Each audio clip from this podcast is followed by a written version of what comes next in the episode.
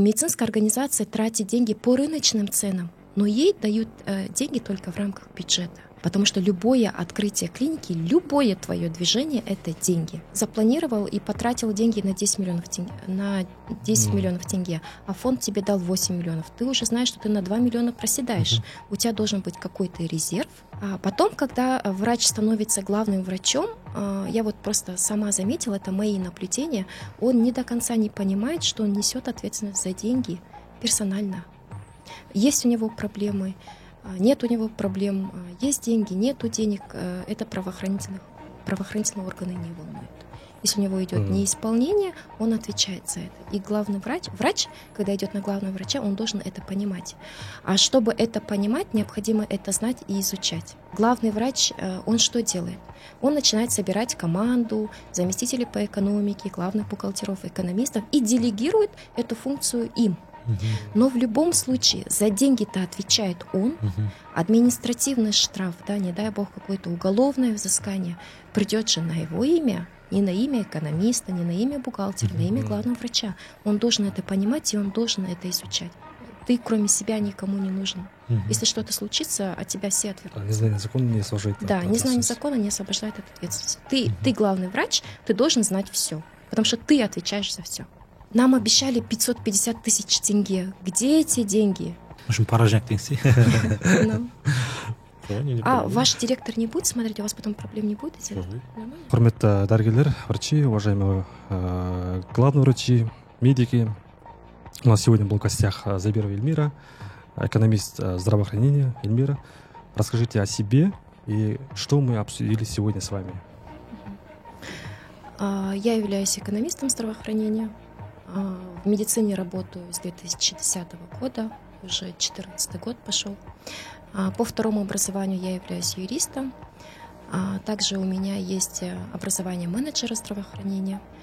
С 2015 года я э, являюсь профессиональным бухгалтером Республики Казахстан, то есть получила национальную квалификацию профессионального бухгалтера. И в совокупности все эти э, знания, которые у меня есть, опыт, который у меня есть, позволил мне с 2020 года стать э, отраслевым менеджером здравоохранения по инициативе правительства ЕЛМТ. То есть я участвовала в этой программе, прошла конкурсный отбор. А вместе с командой отраслевых менеджеров мы реализовали проект по развитию ГЧП и частного а, здравоохранения в Казахстане. Сегодня мы рассмотрели вопросы финансирования нашей отрасли, почему она недофинансирована, да, что влияет э, на финансирование в целом в медицине. Также поговорили о тарифах, кто занимается тарифной политикой в Казахстане, кто формирует тарифы, как формируются тарифы, а, почему тарифов не хватает на покрытие всех расходов. А, в то же время мы затронули такой острый вопрос по оплате труда медицинских работников, поговорили об отпусках, о див-оплате, о премии. А, и а, в целом о менеджменте медицинской организации, как управлять медицинской организацией, что нужно делать а, врачу для того, чтобы открыть клинику. И обсудили вопрос компетенции главного врача именно финансовому менеджменту. Uh-huh. Ну, смотрите, у нас здравоохранение является частью экономики Казахстана. То есть здравоохранение — это одна из отраслей экономики Казахстана. Соответственно, она будет финансироваться по тем же правилам и подходам, которые в целом у нас определены нашими а, различными нормативно-правовыми актами. А, мы говорим, что у нас в Казахстане рыночная экономика. Однако на самом деле у нас сейчас превалирует бюджетная модель экономики. То есть мы все финансируемся с бюджета. А, в настоящее время у нас в Казахстане в системе есть 3,8 триллионов тенге. Из них на оказание медицинской помощи уходит только 2,8 триллионов угу. тенге. Остальной 1 триллион у нас э, расходуется на повышение квалификации, подготовку кадров, врачей, резидентов, на капитальные расходы, на административные расходы и так далее. То есть э, только на закуп медицинских услуг мы тратим 2,8 триллионов тенге. А, но если в целом брать э, все деньги, которые у нас есть, 3,8 триллиона тенге, это все равно мало. 3,8 триллиона тенге — это 3,7% от ВВП. Mm. То есть в Казахстане всего расходы на здравоохранение составляют 3,7% от ВВП, валового внутреннего продукта. Тогда как международный опыт говорит, что в развитых странах А для того, чтобы система здравоохранения была устойчивой, на нее нужно тратить не менее 10% от ВВП. А у нас сейчас только 3-7% от ВВП. То есть в целом у нас есть системная проблема а, того, что наша отрасль недофинансирована. А сейчас глава государства сказал, что до да, до 2027 года увеличить расходы населения до 5%. Но 5% это же не, не требуемые 10%, mm-hmm. правильно? Mm-hmm. У нас год из года растет объем потребления медицинских услуг. У нас растут гарантии по КБМП, по ОСМС. А, у нас растут э, цены на товары, на услуги, коммунальные Растет как услуги. Космос. Да. На основные средства растут цены, а на э, обеспечение технического надзора этих основных средств. Uh-huh. То есть э, медицинская организация тратит деньги по рыночным ценам, но ей дают э, деньги только в рамках бюджета. Поэтому в целом это у нас системная проблема, и э, это не говорит о том, что в этом виноват, скажем, фонд социального медстрахования, Минздрав, да, или медицинские организации. Нет, в целом у нас такая модель финансирования бюджетная, преимущественно бюджетная. Поэтому у нас и не хватает денег. Mm. Так, эльмира ханым менде бір мынандай бір сұрақ бар еді қызықты қазір ә, мен өзім ургентный больницада жұмыс істеймін и біз в основном ә, история заболеванияларды жауып солай ақша табады больницамыз. Көбінше яғни услугаға ол да бір история заболеванияларды ашып жабу. Мысалы біздің ә, кез келген историяны алып қалатын болсақ история заболевания мысалы қазір бізде вспышка болды көрдің сол историяны ә, былай пресс курант ценаны салыстыратын болсақ последний раз 2013 жылдары өзгертілді мен жаңылыспасам и осы последний 2021 жылдары ә, арасындағы цена ә, аздап қана өзгерген. Яғни біз қазір айтып рыночная экономика деп. Соған ә, соны салыстырып яғни ә, инфляцияны есептейтін болсақ ол ә, одан да жоғары болу керек. Мысалы біздің сол жаңағы кор деген заболеваемость жүз бірдеңе мың теңге ғана тұрады. Прескуранцияны қарайтын болсақ. Соответственно ә, нормально ақша табу үшін ә, ол ондай ә, историялар көп болу керек. Яғни ә, врачтар көп жұмыс істеу керек. Ә, былайша айтқанда перерабатывать должны они чтобы зарабатывать. Ә, осы проблема яғни тариф. Ә, бізде яғни гобмп и осмстегі пресс куранттарды ашып қарайтын болсам ә, мысалы мен өткен ғана ә, елжан амантаевичқа сұрақ қойдым осыны. Ә, яғни педиатрдың консультациясы екі мың бес жүз теңге тұрады. Ә, мысалы қазір ол рыночный экономика салыстыратын болсаң ол вообще күлкілі сумма. Яғни осы тарифтар қайдан пайда болады оларды кім бекітеді? И ә, қазіргі таңда осындай өте төмен деңгейде деп ойлаймын мен. Яғни олардың ә, ценасы. Яғни осылардың бәрін өзгерту үшін жалпы осы туралы айтып берсеңіз пресс курант формируется тарификация кобмп осмс жалпы сол тарифтар туралы. Ол өте үлкен проблема қазіргі таңда деп ойлаймын мен өзім. Больницаларда осы поликлиникаларда. Соларды сол жайлы айтып берсеңіз. Рұқсат болса мен орыс тілінде жауап берейін жауап береміз у нас э, политика тарифообразования она тоже зарегламентирована. Есть своя нормативно-правовая база как мы должны формировать тарифы. Уполномоченным органом по тарифной политике у нас является Министерство здравоохранения. Но рабочим органом, который разрабатывает тарифы, да, который считает эти тарифы, у нас является Фонд социального медицинского страхования. А теперь мы должны понимать, что, да, вы правильно сказали, у нас э, то, что э, нам спускают по тарифам, не покрывает все фактические расходы медицинской организации, правильно? Потому что а, медицинская организация закупает там товары, услуги по рыночным ценам и так далее. А, но мы должны понимать, что любое увеличение тарифа, да, оно автоматом ведет к увеличению бюджета Сейчас мы начнем, да, фактические тарифы увеличивать на все виды медицинской помощи. У нас сразу в несколько раз бюджет увеличится. И, и это уже будет не 3,8 триллиона тенге, это, наверное, минимум 10 триллионов будет. А чтобы наше государство нам дало такие деньги, соответственно, оно должно с каких-то других отраслей урезать понимаете? А, но а, учитывая то, что вот такая проблематика у нас сейчас она есть, и не первый год у нас вот в отрасли это все есть, то Министерство здравоохранения ежегодно меняет тарифы, повышает тарифы. Но а, не сразу на все виды медицинских услуг, а, на все виды медицинской помощи, которые мы оказываем, оно все делает поэтапно. А, у нас есть специальный план, да, который Министерство здравоохранения разрабатывает, и там прям прописано в каждый год, какие виды тарифов будут пересматриваться. Потом, получается, э, фонд социального медицинского страхования, так как он рабочий орган, он начинает собирать данные для того, чтобы пересмотреть тарифы. То есть он запускает письмо в медицинские организации, медорганизация дает все фактические расходы, всю фактическую зарплату, расходы на лекарства, на ком-услуги, на канцтовары, хостовары. Все дает фонд. Фонд это все просчитывает и говорит, для того, чтобы медицинская организация оказывала качественные медицинские услуги, тариф условно должен э, стоить, ну, одна операция условно должна стоить 500 тысяч тенге условно скажу, одна операция. Но учитывая, что у нас бюджет ограниченный, да, мы можем тариф только э, э поменять, скажем, до 300 тысяч тенге. То есть фонд как бы хочет это делать, и это как бы надо делать, да, но у нас э, из-за того, что бюджет ограниченный и не позволяет полностью все расходы покрыть, у нас такая проблема в тарифах, она остается. Все равно да, поэтапно надо. Да, поэтапно. Внедрить. Но сейчас вот, когда э, идет пересмотр тарифов, мы сначала смотрим э, на э, такие заболевания, которые несут социальную значимую направленность, хронические заболевания, какие-то операции, которые уникальные операции, ВТМУ угу. и так далее. А вот, э, скажем, такие тарифы, как УЗИ, да, рентген, диагностика, они э, долгое время не менялись.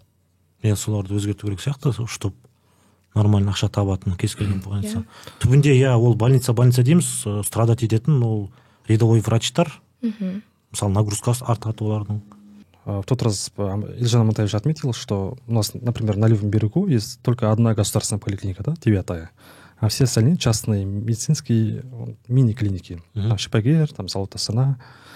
Конечно, государство заинтересован, чтобы развить частный сектор для, разгру... для разгружения нагруз, нагрузок от государственных клиник, да? Угу.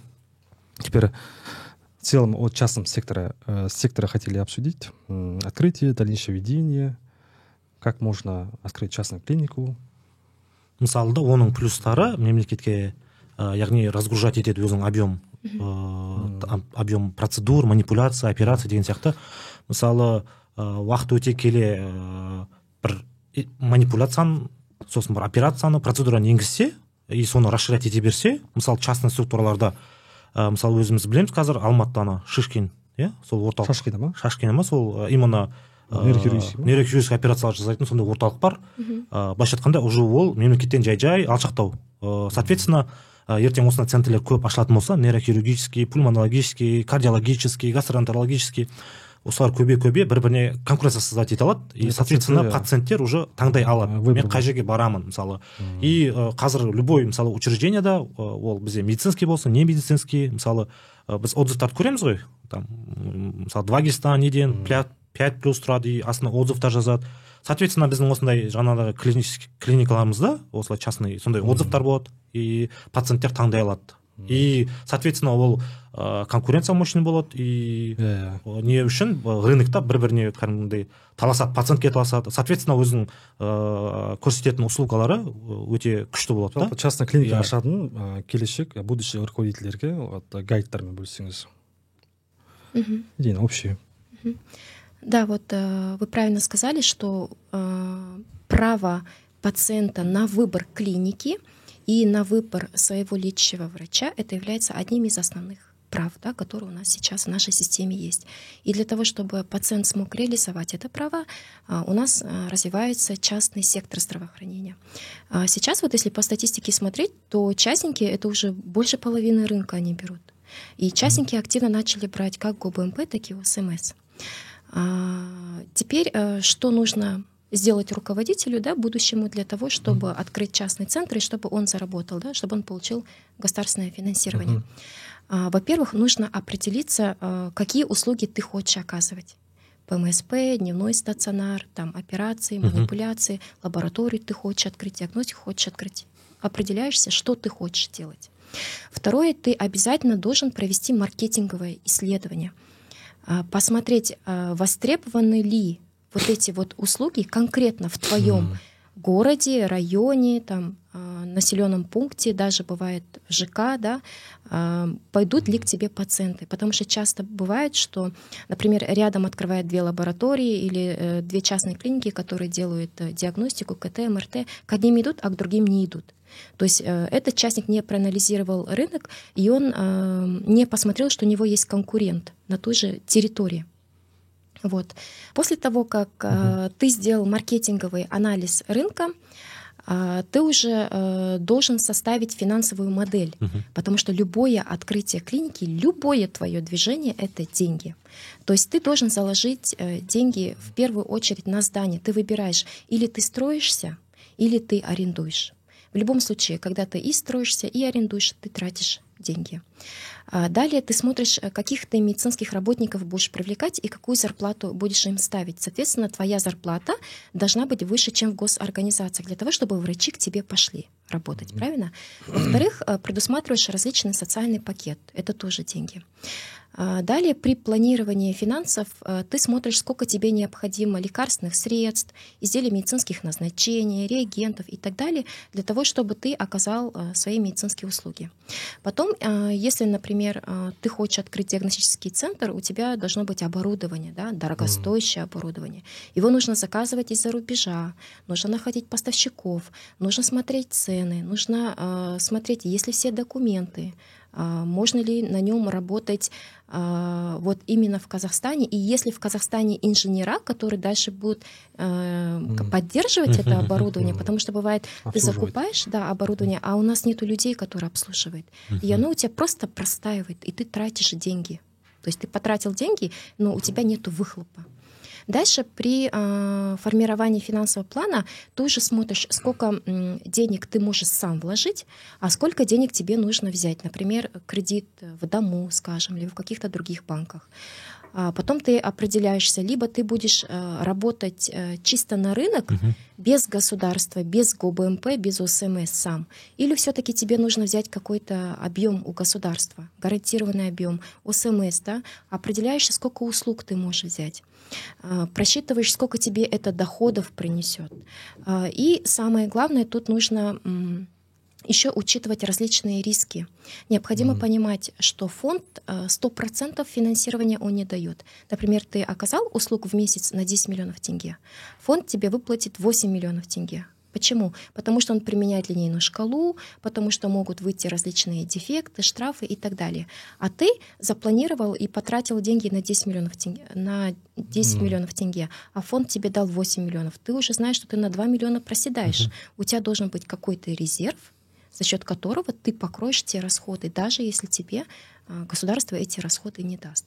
То есть ты должен все риски тут проанализировать. Экономические mm, риски. Финансовая подушка обязательно. Да, финансовая подушка должна быть. Юридические риски, потому что у нас mm. очень много штрафов приходит на первого mm-hmm. руководителя, административных взысканий.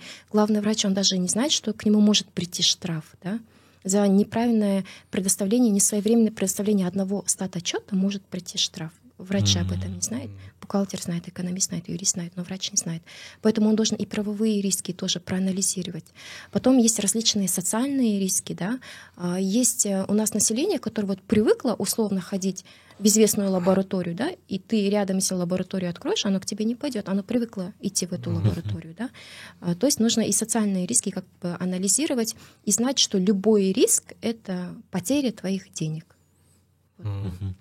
Так эльмира ханым менде бір андай қызық сұрақ бар еді. Столичный коэффициент туралы. Мысалы ә, мен айттым жаңағыдай ургентный больницада жұмыс істеймін. Ә, мысалы бір жылда қарайтын болсақ біздің больницаға түскен ә, кішкентай науқастарымызды оның ішінде ә, астанадан тыс ә, қарағанды бар қарағандының райондары бар төңіректегі. Сосын барып оңтүстік қазақстаннан сосын батыс қазақстаннан шығыс қазақстан қазақстанның жан жақтарынан келеді астанаға. Ә, енді бір жағынан түсінемін ол ата аналарды ә, мысалы ең мықты дәрігерлер ол астанада деп біз жаққа келеді осы біздің орталығымызға. И соответственно ә, бізде жұмыс артады яғни көп пациент келгеннен. И сол ә, енді біздің уровень басқа уровеньдермен салыстырғанда сәл жоғары негізі. Едәуір жоғары астанадағы дәрігерлеріміздің. Сондықтан осындай столичный коэффициент қарастыру мәселесі осы кім қарастырады осы сұрақты ондай возможность болса қосуға қалай қарайды жалпы мемлекет? Столичный коэффициентті А, ну, столичный коэффициент, э, которым мы условно да, называем его, а, если мы сейчас его внедрим, да, у нас в городе Астана, э, то у нас автоматом увеличатся расходы, увеличится бюджет. А, в целом, учитывая, что и так-то денег не хватает, мне кажется, что пока что внедрять столичный коэффициент не будут. Но я хочу вам сказать, вот то, что с регионов к вам приезжают пациенты, за это ваша больница, поликлиника наберет деньги. У нас заключается договор э, субподряда. Сейчас он называется договор соисполнительства, скажем, между поликлиникой, ну, условно, номер 50 Астаны, да, и там э, поликлиникой номер 4 там, от Тарауской области, я, например, говорю. И получается, пациент с Тарауской области приезжает в Астану, между этими поликлиниками заключен договор, и поликлиника Атарау, она перечисляет деньги в поликлинику Астаны за субподряд. Хм. То есть эта медицинская организация, если заключила договор субподряда, она получит деньги за тех пациентов, которые с региона к вам пришли. Получит организация, да? Медицинская деньги? организация. Но, Счет фактура отправляет? Да, но вы не думайте, что вот она получит эти деньги, и все сразу сто процентов отдаст врачу, медсестре uh-huh. за то, что он эти услуги сделал. Нет. Определенный э, процент эта организация себе оставит на развитие. Что такое развитие? Это получается прочие расходы, коммунальные расходы. Потом в больницах есть прочий персонал, бухгалтера, экономисты, юристы, их тоже надо содержать как бы. Поэтому 100% денег потратить не могут. Но а, к сожалению, не все медицинские организации, даже там маленький процент от этого субподряда оплачивает врачу. Э, может быть так, что врач даже не знает, что договор заключен, он оказывает услугу, хотя если договор субподряда заключен, медорганизация должна процент ему платить. Это же нагрузка на врача. У него есть свое население, uh-huh. а тут еще, условно скажем, с Атраусской области кто-то приезжает, он тратит свое время, трудовые ресурсы, там, эмо- эмоции разные uh-huh. и так далее. Да? Из это должно вознаграждаться. Но не все медицинские организации процент оплачивают.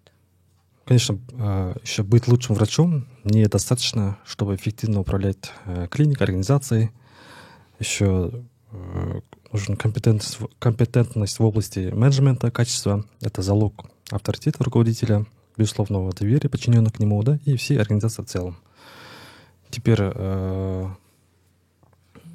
Конечно, работа клиник, поликлиник, организаций не только зависит от бюджета, от, э, э, так, от финансирования бюджета, да, и еще эффективного управления тоже зависит. Э, почему э, сейчас хромает э, компетентность, компетентность в области финансового менеджмента у главврачей? Mm-hmm. Вот этот вопрос хотели раскрыть. А, ну, смотрите, а, главный врач это в первую очередь кто врач. Uh-huh. Да? У него uh-huh. медицинское образование, он закончил медицинский университет. Насколько я знаю, в медицинском университете не сильно глубоко изучают экономику здравоохранения и все, что касается финансирования. Да только на первом курсе учимся, да. Экономика деген сабақты. И то общая экономика по yeah, Казахстану, общая, правильно? Общая, Карл Маркс. Да, доход, а, расход, вот такой, да. Вот. Но глубоко в медицинских университетах экономику здравоохранения не изучают. А потом, когда врач становится главным врачом, а, я вот просто сама заметила, это мои наблюдения, он не до конца не понимает, что он несет ответственность за деньги персонально. Есть у него проблемы, а, нет у него проблем, есть деньги, нету денег, это правоохранительных, правоохранительные органы не волнует. Если у него идет mm. неисполнение, он отвечает за это. И главный врач, врач, когда идет на главного врача, он должен это понимать. А чтобы это понимать, необходимо это знать и изучать. А теперь все, что касается экономических вопросов финансирования, у нас э, все в основном э, указано в различных приказах, постановлениях, то есть у нас нормативно-правовая база. Mm. Законы различные, да? Законы как пишутся на юридическом языке с соблюдением юридической техники. Это э, даже сложно э, самим юристам понять, что написано в законе. А врач, не имея юридического образования, не имея экономического образования, э, тоже не может это понять. То есть это очень сложно для освоения. И поэтому многие главные врачи поступают на магистратуру, на MBA. Но если мы посмотрим программу MBA, то в основном лидерство, эмоциональный интеллект, uh-huh стратегия, как управлять людьми, стрессы и так далее. А, есть финансовый менеджмент, но он общий, он не для здравоохранения. То есть о чем я хочу сказать? У нас сейчас именно по экономике здравоохранения не обучает ни один медицинский вуз. Угу. У нас экономические вузы, которые есть в Казахстане, они обучают общую экономику. Я сама экономический вуз э, закончила. Меня не учили экономике здравоохранения. Меня учили общей экономике. И потом я сама через изучение законов, приказов, через работу только понимала, что такое экономика здравоохранения. То есть целенаправленно даже экономистов не учат. Экономисты сами да, методом проб и ошибок учатся. Что говорить о главных врачах? Да? И э, главный врач, э, он что делает? Он начинает собирать команду заместителей по экономике, главных бухгалтеров, экономистов и делегирует эту функцию им. Но в любом случае за деньги-то отвечает он. Административный штраф, да, не дай бог какое-то уголовное взыскание, придет же на его имя, не на имя экономиста, не на имя бухгалтера, на имя главного врача. Он должен это понимать, и он должен это изучать. Учитывая, что э, помимо вот финансовой составляющей, главный врач должен отвечать за медицинские показатели, да, находить общий язык с другими э, коллегами, с пациентами, э, у него нет времени, да, и он за все процессы отвечать не может, и он все знать идеально не может. И он перед ним стоит выбор. Или э, я буду делать акцент на медицинскую часть, или я буду делать акцент на финансовую часть. Когда он э, пренебрегает финансами, они у него выпадают, и начинаются различные проблемы. Он думает, да, у меня есть бухгалтер, разберется, все сделает. Но как бы идеальных специалистов тоже не бывает, идеальных бухгалтеров и экономистов тоже не бывает. И поэтому, если главный врач будет понимать, что он несет ответственность перед законом за деньги, это как бы будет и мотивация, и уже у него выхода не будет не изучать закон. Хочет он, не хочет, он начнет это изучать. Поэтому это самое главное ему нужно это осознавать, а, понимать mm-hmm. и начать изучение, изучать потихонечку, самому самостоятельно. Потому что говорят же, ты кроме себя никому не нужен. Угу. Если что-то случится, от тебя все отвернутся. Да, незнание закона не освобождает Да, незнание закона не освобождает от ответственности. Ты, угу. ты главный врач, ты должен знать все, потому что ты отвечаешь за все. так эльмира ханым келесі мынандай сұрақ бар еді менде екі мың жиырма екі мың жиырма бір жылдары жұмысқа кірдім мен ә, сол уақытта ә, яғни средства массовой информацияда ә, дәрігердің айлығы екі мың жиырма бесінші жылға дейін бес жүз елу мың теңге болады деген мен сондай информацияларды оқыдым қазір екі мың жиырма үшінші жыл біздің ә, оклад екі жүз елу алты мың ба екі жүз елу жеті мың ба сол сумманы құрайды. Яғни екі мың ә, кейбір смеларда екі мың жиырма үшінші жылы бес жүз елу болады деген. Бірақ фактически қазір мынандай цифра. На самом деле болу керек басқа цифра. Не үшін осы сұрақты қойғым келіп отыр сізге?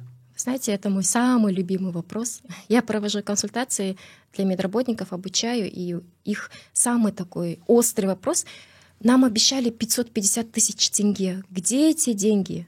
Может, кто-то украл, может, нам не надал, мы же работаем, почему нам не платят 550 тысяч тенге? Я всегда медикам говорю, когда вы в новостях слышите что-то про зарплату, читайте внимательно. Обычно журналисты как пишут? Яркий заголовок. Они э, в то время написали, что зарплата врача к 2025 году составит 550 тысяч тенге. Но если дальше покопаться в законах, да, в нормативках там написано среднемесячная зарплата. А, среднемесячная зарплата а, это как средняя температура по больнице. То есть есть пациент, у которого 36 градусов температура, есть пациент, у которого 42 градуса температура. Между ними средняя, сколько там, 39 градусов будет. То же самое по зарплате. У нас есть медработники, которые получают 200 тысяч, а есть медработники, которые свыше миллиона получают. Между ними средняя 550 тысяч. То есть никто же не говорит, что каждый врач будет 550 тысяч тенге получать. Все говорят, среднемесячная зарплата составит 550 тысяч тенге. То есть врач, у которого зарплата, вот как вы говорите, 250 тысяч тенге, скорее всего, у него очень маленький стаж и нету категории. Он работает на одну ставку на голом окладе. В, то вре- в то же время есть врачи, у которых очень большой стаж, свыше 25 лет. У них есть высшая категория. Помимо а, основного оклада они совмещают, берут 0,25 ставки, 0,5 ставки, проценты какие-то берут, платные услуги оказывают, дефоплату получают, в отпуск уходят, отпускные берут, лечь пособие берут, материальное берут, премии берут. Это же все зарплата. И когда мы возьмем весь доход за 12 месяцев со всеми премиями, отпускными, больничным, все возьмем, разделим на 12, вот и выходит среднемесячная заработная плата. И то это начисленная. С этой суммы еще налоги уберите. mm. на руки, меньше упадет. Поэтому вот когда такие новости выходят, надо внимательно читать. Mm. Еще раз повторю, 550 тысяч тенге — это не каждому врачу, это средняя зарплата врача по Казахстану будет 550 тысяч mm. тенге. И тут надо понимать, у нас есть государственный рынок, государственные медорганизации, частные медорганизации. В госорганизациях там средняя зарплата 300 с чем-то, в частных может миллион достигать. То есть вот какой большой разбег, да? И средняя вот 550 тысяч. Ясно, выяснили. В общем, поражняк деңсей. анау не категориялар қазір білесіз ба ол нені төлей ма там вообще такая непонятка там категорияны біреуді алып тастайды біреуді алмайды высшая категория в целом как рассчитывается э, зарплата врача и медсестры в этом вопросе а, так как у нас большинство медработников работают в госорганизациях, то я, наверное, акцент сделаю на гос. Частники просто, просто фиксированно платят и процент за количество оказанных услуг, как они говорят, за продажи. Вот. А в госорганизациях есть четкое постановление правительства, называется а, «О системе оплаты труда гражданских служащих и работников, финансируемых с госбюджета». Врачи раньше были гражданскими служащими Сейчас а, врачей там нету. А, мы финансируемся с госбюджета, поэтому мы под это постановление подпадаем. А, согласно этому постановлению, должностной оклад у нас зависит от базового должностного оклада 17 тысяч. Он для всех одинаковый, для всех врачей, для всех медсестер, санитарочек, прочего персонала. Его мы умножаем на коэффициент по стажу и по категории – Соответственно, чем выше стаж, чем выше категория, тем больше коэффициент. И если маленький стаж, нету категории, коэффициент маленький. И второй коэффициент — это на ежегодное повышение заработной платы. Последнее повышение было в 2023 году. С 1 января 2024 года уже повышения нету, поэтому мы в этом году берем последний коэффициент за 2023 год. Получается, базовый должностной оклад мы умножаем на коэффициент по стажу по категории, на повышающий коэффициент выходит должностной оклад. А потом у каждого врача в зависимости от его должности есть различные доплаты и надбавки. А, у всех врачей, у всех медсестер есть надбавка за особые условия труда, это 10% от должностного оклада. А потом есть такие медработники, работа которых связана с различным психоэмоциональным напряжением. Реаниматологи да, они берут за психоэмоциональную нагрузку. Например, участковые берут, да, а некоторые узкие специалисты берут, хирурги, акушеры и так далее, за психоэмоциональную нагрузку. Потом есть медицинские работники, которые работают на вредных, опасных, тяжелых условиях труда. Это узисты, ревматологи, рентгенологи, да. Они берут э, доплату за вредность, за вредные условия труда. Потом, если у врача есть ученая степень, скажем, он доктор наук, доктор PhD, он еще может взять доплату за ученую степень. Она отдельно дается. И еще э, по постановлению предусмотрено совмещение. Например, врач совмещает скажем, условно работает участковым терапевтом, uh-huh. совмещает работу в отделении службы поддержки пациента экспертом. Он может взять до 50%. И если вот сложить должностной оклад, все доплаты и надбавки, у нас выходит начисленная сумма зарплаты. Но это только начисленная. Оттуда убираете налоги, и чистая сумма на руки за минусом налогов вам падает. Но иногда э, бухгалтера не оплачивают вот это дополнительные оплаты, да, uh-huh. за стаж, за вредность. Вот, э, как себя вести медработник в таком случае, да, как законным путем оставить свои права? Uh-huh. А, я вот всем медработникам рекомендую, как только вам поступила зарплата, идите в бухгалтерию, берите квиточек по заработной плате. И не стесняйтесь, не бойтесь, задавайте бухгалтеру вопрос, а, почему у меня такая зарплата, как она рассчитывается, а, там, почему я недополучил. Да, понятно, бухгалтера не успевают, да, постоянно загружены, но это их работа, в том числе объяснять, из чего состоит их, их заработная плата, то есть заработная плата медицинского работника. Поэтому в первую очередь нужно узнавать в бухгалтерии. А, если вы как медицинский работник чувствуете, что вы что-то не поняли, да, или, может быть, как-то вам не так объяснили, или, может, какое-то напряжение, ну, по-разному же бывает, разные ситуации. А, второе, я рекомендую обращаться в свой профсоюз. В каждой государственной медицинской организации есть профсоюз. У нас три их — АКНИЕТ, Казмед, Сенам. И в каждой медицинской организации есть председатель первичной партийной э, организации, вот, профсоюза. Подойдите к этому человеку и скажите, э, я не понял, э, как мне начисляют заработную плату. То есть у меня есть вопрос по вопросам оплаты труда. Так как вы отчисляете в профсоюз 1% от своего дохода, то профсоюз, он а, обязан вам помогать. Все наши три профсоюза, у них в уставах прописано, что они по различным трудовым отношениям помогают, по оплате труда помогают. То есть вы можете написать заявление, и э, председатель первичной партийной организации, вашей медорганизации, он передаст это заявление в свой профсоюз. В каждом профсоюзе есть юристы. Даже есть такие профсоюзы, профсоюзы где mm. работают команда юристов и адвокатов, например. Они разбирают эти случаи и вам э, дают уже э, ответ на бумаге, официальный ответ со всеми ссылками, нормативами. Если вы читаете и вы не понимаете, да, э, все равно не поняли, что там написано, и вы чувствуете, что ущемляет ваши права, не доплачивают, э, следующее это вы можете э, обратиться к заведующему отделению, к зам главному врачу, либо главному врачу. Если уже на уровне руководства ваш вопрос не решается, то да, уже можно обращаться в инспекцию труда, но там необходимо написать заявление, приложить квиточек о заработной плате. Если вот профсоюз дал письмо официально, это письмо приложить, и вы направляете это в инспекцию труда. Инспекция труда, как любой государственный орган, в течение 30 календарных дней рассматривает, потом приходит проверка, в эту медорганизацию. Она может или сама прийти, или удаленно это провести.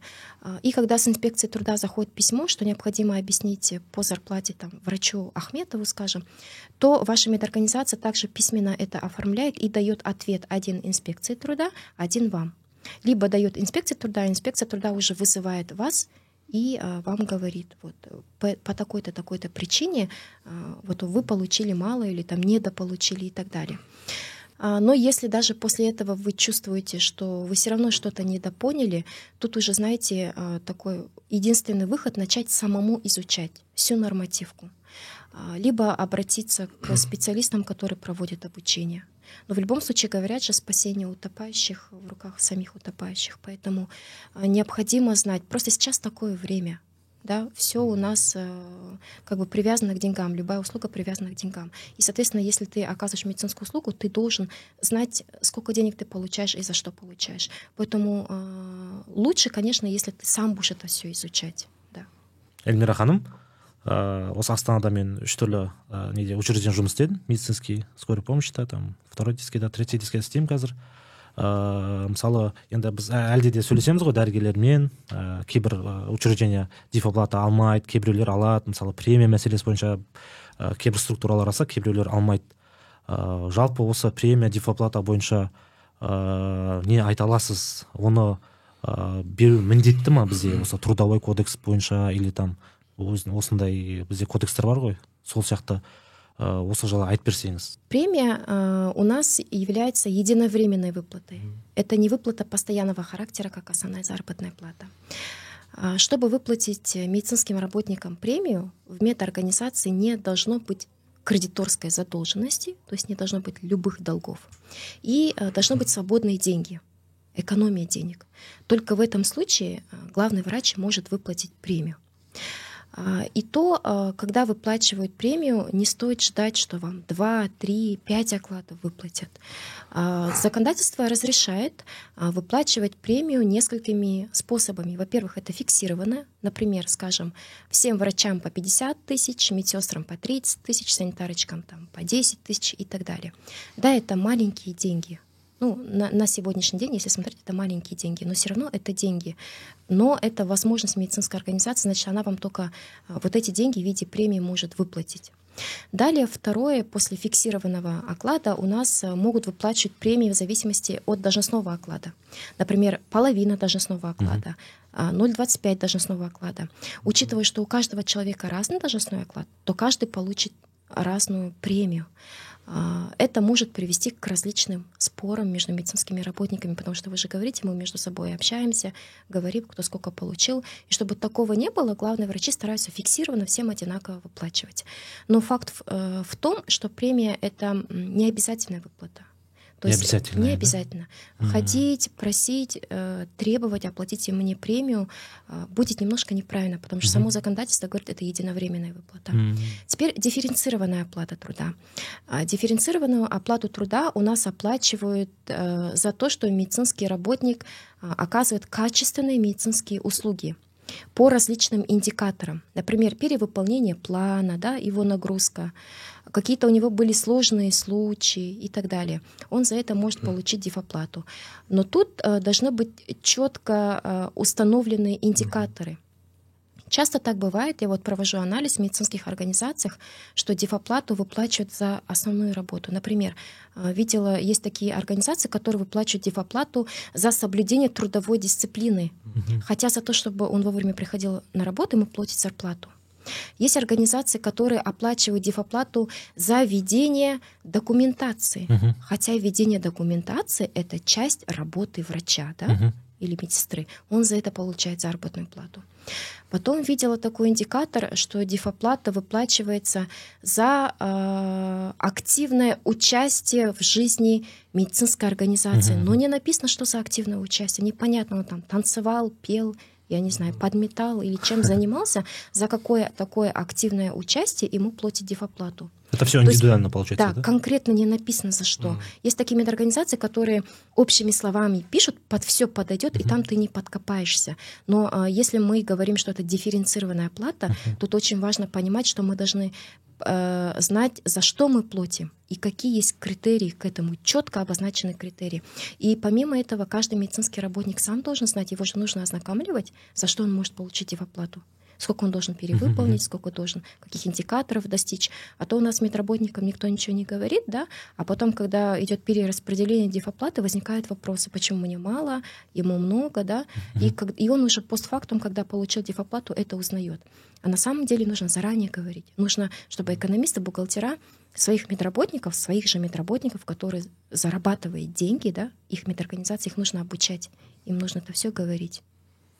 И тот раз Елжан Амантович отметила, что в местных управлениях, да, клиник, главные врачи, часто финансовые вопросы решает только один человек, да?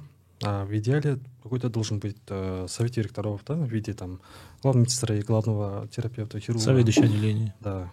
Вместе и нельзя принимать решение, если один из них э, не согласен, да, ну, протестует, не согласен э, с бюджетом. Вообще в идеале как, э, на самом деле, как идет э, решение финансовых вопросов? Э, в идеале должен быть как? Угу. Должен быть как? А, у нас государственные медицинские организации в основном работают на праве хозяйственного ведения, ПХВ. ГКП на ПХВ, РГП на, на ПХВ. А, в соответствии с законом о государственном имуществе а, в госпредприятиях на праве хозяйственного ведения должен быть наблюдательный совет. Но наблюдательный совет — это консультативно-совещательный орган. То есть он может только рекомендовать, но он не может решать и указывать главврачу, кому какую премию или дифоплату платить.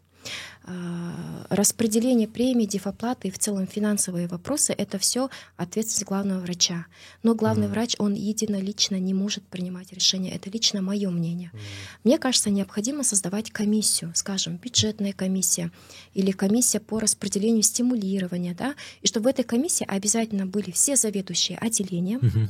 профсоюз, да, человек, который защищает права медицинских работников, отдел кадров, чтобы посмотрел, э, работает ли медицинский работник, там, сколько у него дней рабочих есть и так далее, чтобы был юрист, говорил, можем мы это платить, не можем мы это платить, нарушаем мы закон или не нарушаем. Чтобы в этой э, комиссии был экономист, который скажет, сколько у нас есть денег, не э, перевыполним ли мы вот этот лимит, да, который у нас заложен на стимулирование. То есть это должна быть команда, это должна быть комиссия, и каждый член этой комиссии должен а, строго знать, а, за что он отвечает. То есть должно быть положение об этой комиссии, кто чем занимается, кто какие вопросы решает, и э, каждый член комиссии должен понимать, что он несет ответственность. Да, теперь за распределение премии, за распределение денег будет нести ответственность комиссия. Угу. Понимаете? Если что-то не то, уже обычно, скажем, условно заведующий, он не может предъявить главному врачу и сказать, вот это он распределял, это его решение, да, э, тут он уже должен э, понимать, что он тоже несет ответственность. То есть, когда он идет на эту комиссию, выбивать, грубо говоря, премию, да, дефоплату, он должен знать, чем занимается каждый его медицинский работник, и он должен его защищать и говорить, вот ему надо заплатить, потому что он перерабатывает, он там условно единственный специалист, больше таких нету, э, весь объем там ГБМП, ОСМС делает, то есть он должен сам своих врачей на этой комиссии защищать и, грубо говоря, выбивать деньги. Вот. эльмира ханым келесі сұрақ ә, осы ақшаның төңірегінде қоя бердің сұрақты. Ә, мысалы ә, кейбір учрежденияларда ә, сол енді отпуск мәселесі бойынша барлық жерде бірдей ғой негізі. Күн. Ә, тек қана мысалы профсоюзға кіргендер плюс төрт бес күн артық алуы мүмкін. Ә, мысалы бір учреждениелерде м сумманы алатын болса кейбір учреждение одан төмен алады. Кейбіреулер одан көп алады. Жалпы осы отпускқа шыққан кездегі былай бір енгізілген не бар ма? Ақша көлемі бар ма? Мысалы біреулер көп алады мысалы біреулер аз алады. Сол мәселесі иә өзі жалпы одан сұраса иә не, не қалай екенін өздері түсінбейді өздері білмейді сол.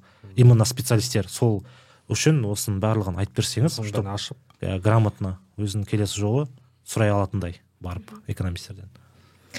А, у нас по трудовому кодексу отпуск предоставляется в календарных днях. Но не все знают, что оплата идет только за рабочие дни в этих календарных днях. Например, вы взяли отпуск на 46 дней, uh-huh. да, с 1 марта uh-huh. по 16 апреля, 46 календарных дней. Вам не за 46 календарных дней оплатят, а меньше. Если вы работаете по пятидневке, убираются все субботы и воскресенья. Uh-huh. Если вы работаете по шестидневке, убираются все воскресенья. А потом в период вот с 1 марта по 16 апреля у нас есть праздничные дни. Наураз, 8 марта. Uh-huh. Они тоже убираются. И в среднем от 46 дней вам заплатят только, скажем, за 28 дней, за 30 дней. Вот. А, то есть это все зависит от количества рабочих дней. Но вот э, я вот выработала несколько лайфхаков, как немножко больше заработать отпускных, да, ну, грубо говоря, если так можно выразиться. Э, когда уходить в отпуск, э, чтобы чуть побольше заработать отпускных? Во-первых, надо уходить не с первого числа месяца, uh-huh. а с понедельника. Почему? Потому что первое число месяца, оно может прийти на любую неделю. Скажем, первое число это может быть пятница. Да? Uh-huh. Вы ушли в пятницу, работаете по пятидневке. Первая суббота, воскресенье не оплачивается. А если бы вы ушли с понедельника, у вас с понедельника пошла бы оплата, а до этого суббота, воскресенье, это же ваш выходной, вы же по-любому отдыхаете. Но первые эти два дня вы бы в деньгах потеряли, если бы ушли. А если бы с понедельника ушли, у вас с понедельника пошла бы оплата. То есть э, первые два дня вы экономите. Далее. А, я рекомендую уходить в отпуск в месяцы, где нету праздничных дней потому что праздничные дни в оплату не войдут. Mm-hmm. То есть вы можете уходить спокойно в феврале, в апреле, в июне, в сентябре. В сентябре, в октябре, в ноябре, да. Спокойно уходите, и у вас там более-менее а, ну, количество дней будет хорошее, и вы хорошо заработаете. А если вы ушли в праздник, вот прям перед праздником, скажем, перед Наурызом ушли, когда у нас Наурыз начинается 21-го, да. вот вы решили 20-го уйти, сколько вы потеряете 21-го, 22-го, 23-го? Тем более в этом году 5 Плюс еще 5 вдруг дней. там выходной будет, в среднем 5 дней потеряете чисто из-за праздников. Mm. И потом э, я вот рекомендую уходить в отпуск в конце года. Почему? Потому что у нас э, до января этого года было повышение заработной платы ежегодно. Повышались с января. Когда считаешь отпускные, ты берешь деньги за весь последний год. Если ты уйдешь, скажем, в отпуск в феврале, твой последний в феврале э, 23-го, твой последний э, год для расчета отпуска будет февраль 22 по февраль 23. Э, с февраля 22 по декабрь 22 ты получал одну зарплату по коэффициенту. В 23 году повысили зарплату с января. У тебя повышена зарплата только январь-февраль. Mm. А если бы ты ушел в отпуск в ноябре, у тебя расчетный период был бы с ноября 22 по ноябрь 23. Mm-hmm. И ты старую зарплату по 22 году получил бы только за два месяца, ноябрь-декабрь. А 23 год по новому коэффициенту большую зарплату уже с января по ноябрь. Mm-hmm. И это у тебя влияет на твою зарплату, у тебя повышенная зарплата да, за счет коэффициентов. И, соответственно, mm-hmm. у тебя повышается стоимость одного рабочего дня и, соответственно, стоимость отпускных. Поэтому вот такие три лайфхака я медикам рекомендую. А, сейчас а, повсеместная проблема — это кредиторская задолженность. Почему она возникает и как можно правильно провести оптимизацию? Угу. Кредиторская задолженность — это долг медицинской организации перед своими поставщиками либо перед своими работниками. Имеется в виду перед работниками — это по зарплате. Почему в медицинской организации возникают долги? Первая причина — это всеобщее недофинансирование нашей отрасли. Да, денег и так не хватает. А, второе — это а, низкий уровень менеджмента медицинской организации. Например, скажем, медицинская организация в январе сделала услуг на 100 миллионов тенге, подала на оплату 100 миллионов, да, а фонд заплатил 80 миллионов тенге, потому что срезал по линейной шкале, а, через дефекты срезал да, деньги. Mm-hmm. То есть э, линейная шкала — это напрямую э, деятельность медицинской организации, ее менеджмент. А, дефекты, то, что mm-hmm. при оказании медицинских услуг были выявлены, это тоже относится к менеджменту mm-hmm. медицинской организации. Далее на кредиторку у нас еще влияет ежегодная инфляция, которая есть в Казахстане. У нас официально сейчас 9,8%. А, но неофициально говорят 20-30% инфляции. И, соответственно, если у нас а, ежегодно растет инфляция, растут цены на лекарства, на канцтовары, хозтовары, коммунальные услуги, прочие услуги и так далее. А, медицинская организация заключает договор закупа да, по наименьшей цене, но наименьшей цене рынка а не по тем ценам, расходам, которые у нас заложены в тарифе. И в совокупности вот это вот все приводит к кредиторской задолженности. А, теперь а, именно основные процессы выхода с кредиторской задолженности, да, это, во-первых, оптимизация всех расходов. Но когда мы говорим об оптимизации расходов, мы всегда должны начинать а, с госзакупа. Мы должны в первую очередь сокращать закупки. То есть это те товары, которые можно не покупать, скажем, различные канцтовары, скрепки, скобы, линейки, клей, да, если откроешь склады, вот все вот этими канцтоварами и завалены. Надо сокращать расходы по канцтоварам, где-то по хозтоварам, по прочим услугам. Например, мы заключаем очень много услуг по договорам ГПХ на различные исследования, на различные какие-то сопутствующие услуги и так далее. Эти услуги тоже можно сократить. А, далее Э, я вот проводила анализ э, и заметила, что у нас есть медицинские организации, которые коммунальные услуги оплачивают по тарифу юридического лица. Но у нас медорганизация же работает в социальной сфере, угу. и э, в коммунальных службах есть тариф для социальных сфер для социальных организаций.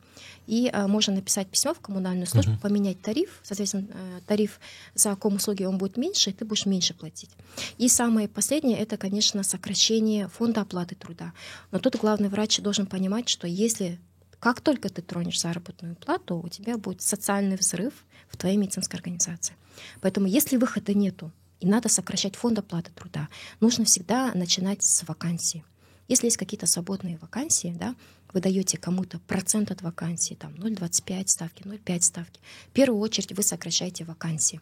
Но тут понятно, если вы сокращаете вакансии, у кого-то забираете 0,25, 0,5 ставки, нужно человеку по законодательству за месяц об этом в письменной форме сказать, предупредить, что вот по таким-то причинам мы будем сокращать вакансию, будем у тебя выбирать совмещение, и ты будешь получать только, скажем, голую ставку, да? Чтобы медицинский работник, он был готов, тем более законодательство об этом говорит. И в целом нужно разговаривать со своим коллективом, говорить, да, вот сейчас у нас такая ситуация, не хватает денег, тарифы низкие, фонд срезает, там дефекты и так далее. Мы будем работать в таком вот э, экстренном режиме. Прошу понять, что это временно там до выхода с кредиторки. И э, если правильно разговаривать, коммуницировать э, со своими же коллегами, я думаю, можно найти общий язык. Uh-huh. Да, конечно, наверное, в любом коллективе есть такие люди, которые не поймут, которые думают, все равно же медорганизация получает деньги, куда главный врач эти деньги тратит. Наверное, там что-то там непонятное делает. К таким людям тоже нужно находить подход. Главный врач, он вот менеджер, он должен уметь находить общий язык со всеми людьми потому что он отвечает за этих людей. Этих людей тоже можно понять. Ты им сейчас зарплату срежешь, а, они будут меньше получать. У всех есть угу. кредиты, ипотеки, дети, да, и так далее. Цены растут.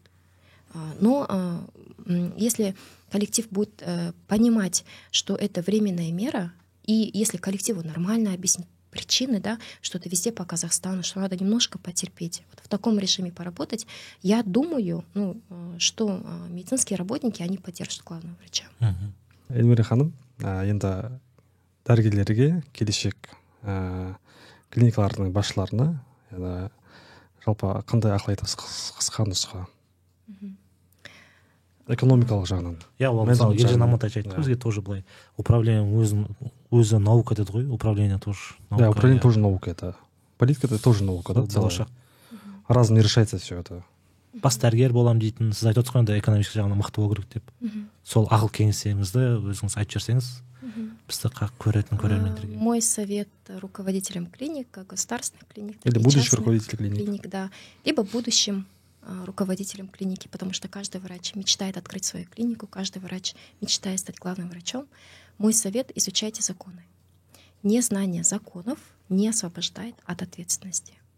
А, И второе — изучайте экономику. Как бы вы ни хотели, у нас любая услуга — это деньги. Деньги идут за пациентом. Мгм. Поэтому ваше любое движение — это деньги. А, учитывая, что за неэффективное использование Мгм. денег вы будете отвечать своей головой, необходимо вот, вот эти два вопроса очень сильно изучать. Круто. круто